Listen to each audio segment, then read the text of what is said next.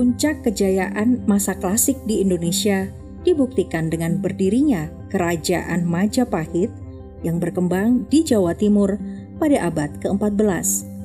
Pada masa ini, kemajuan peradaban dibuktikan dengan adanya jejak perkotaan yang amat kompleks. Apalagi ditambah dengan pesatnya kegiatan ekonomi dan perdagangan pada masa itu. Karena maraknya interaksi dengan dunia internasional, banyak para pedagang asing yang melakukan transaksi dengan membawa mata uang dari daerah masing-masing. Salah satunya adalah para pedagang Tiongkok yang menggunakan koin kepeng. Dengan semakin maraknya transaksi menggunakan uang, timbul permintaan untuk membuat mata uang kas kerajaan Majapahit. Akhirnya dibuatlah sebuah koin dari campuran perak, timah, timbal, dan tembaga. Koin ini dinamakan sebagai koin gobok.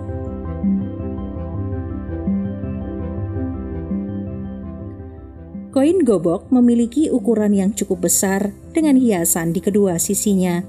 Pada sisi satu diberi motif wayang kulit semar dan kresna yang saling berhadapan sementara di sisi lainnya memiliki motif yang beragam seperti pohon, senjata, sesaji, dan bahkan aksara Arab maupun Jawi. Ada hal yang menarik dari koin Majapahit ini, karena selain digunakan sebagai alat tukar, koin ini sering kali digunakan sebagai jimat keberuntungan. thank you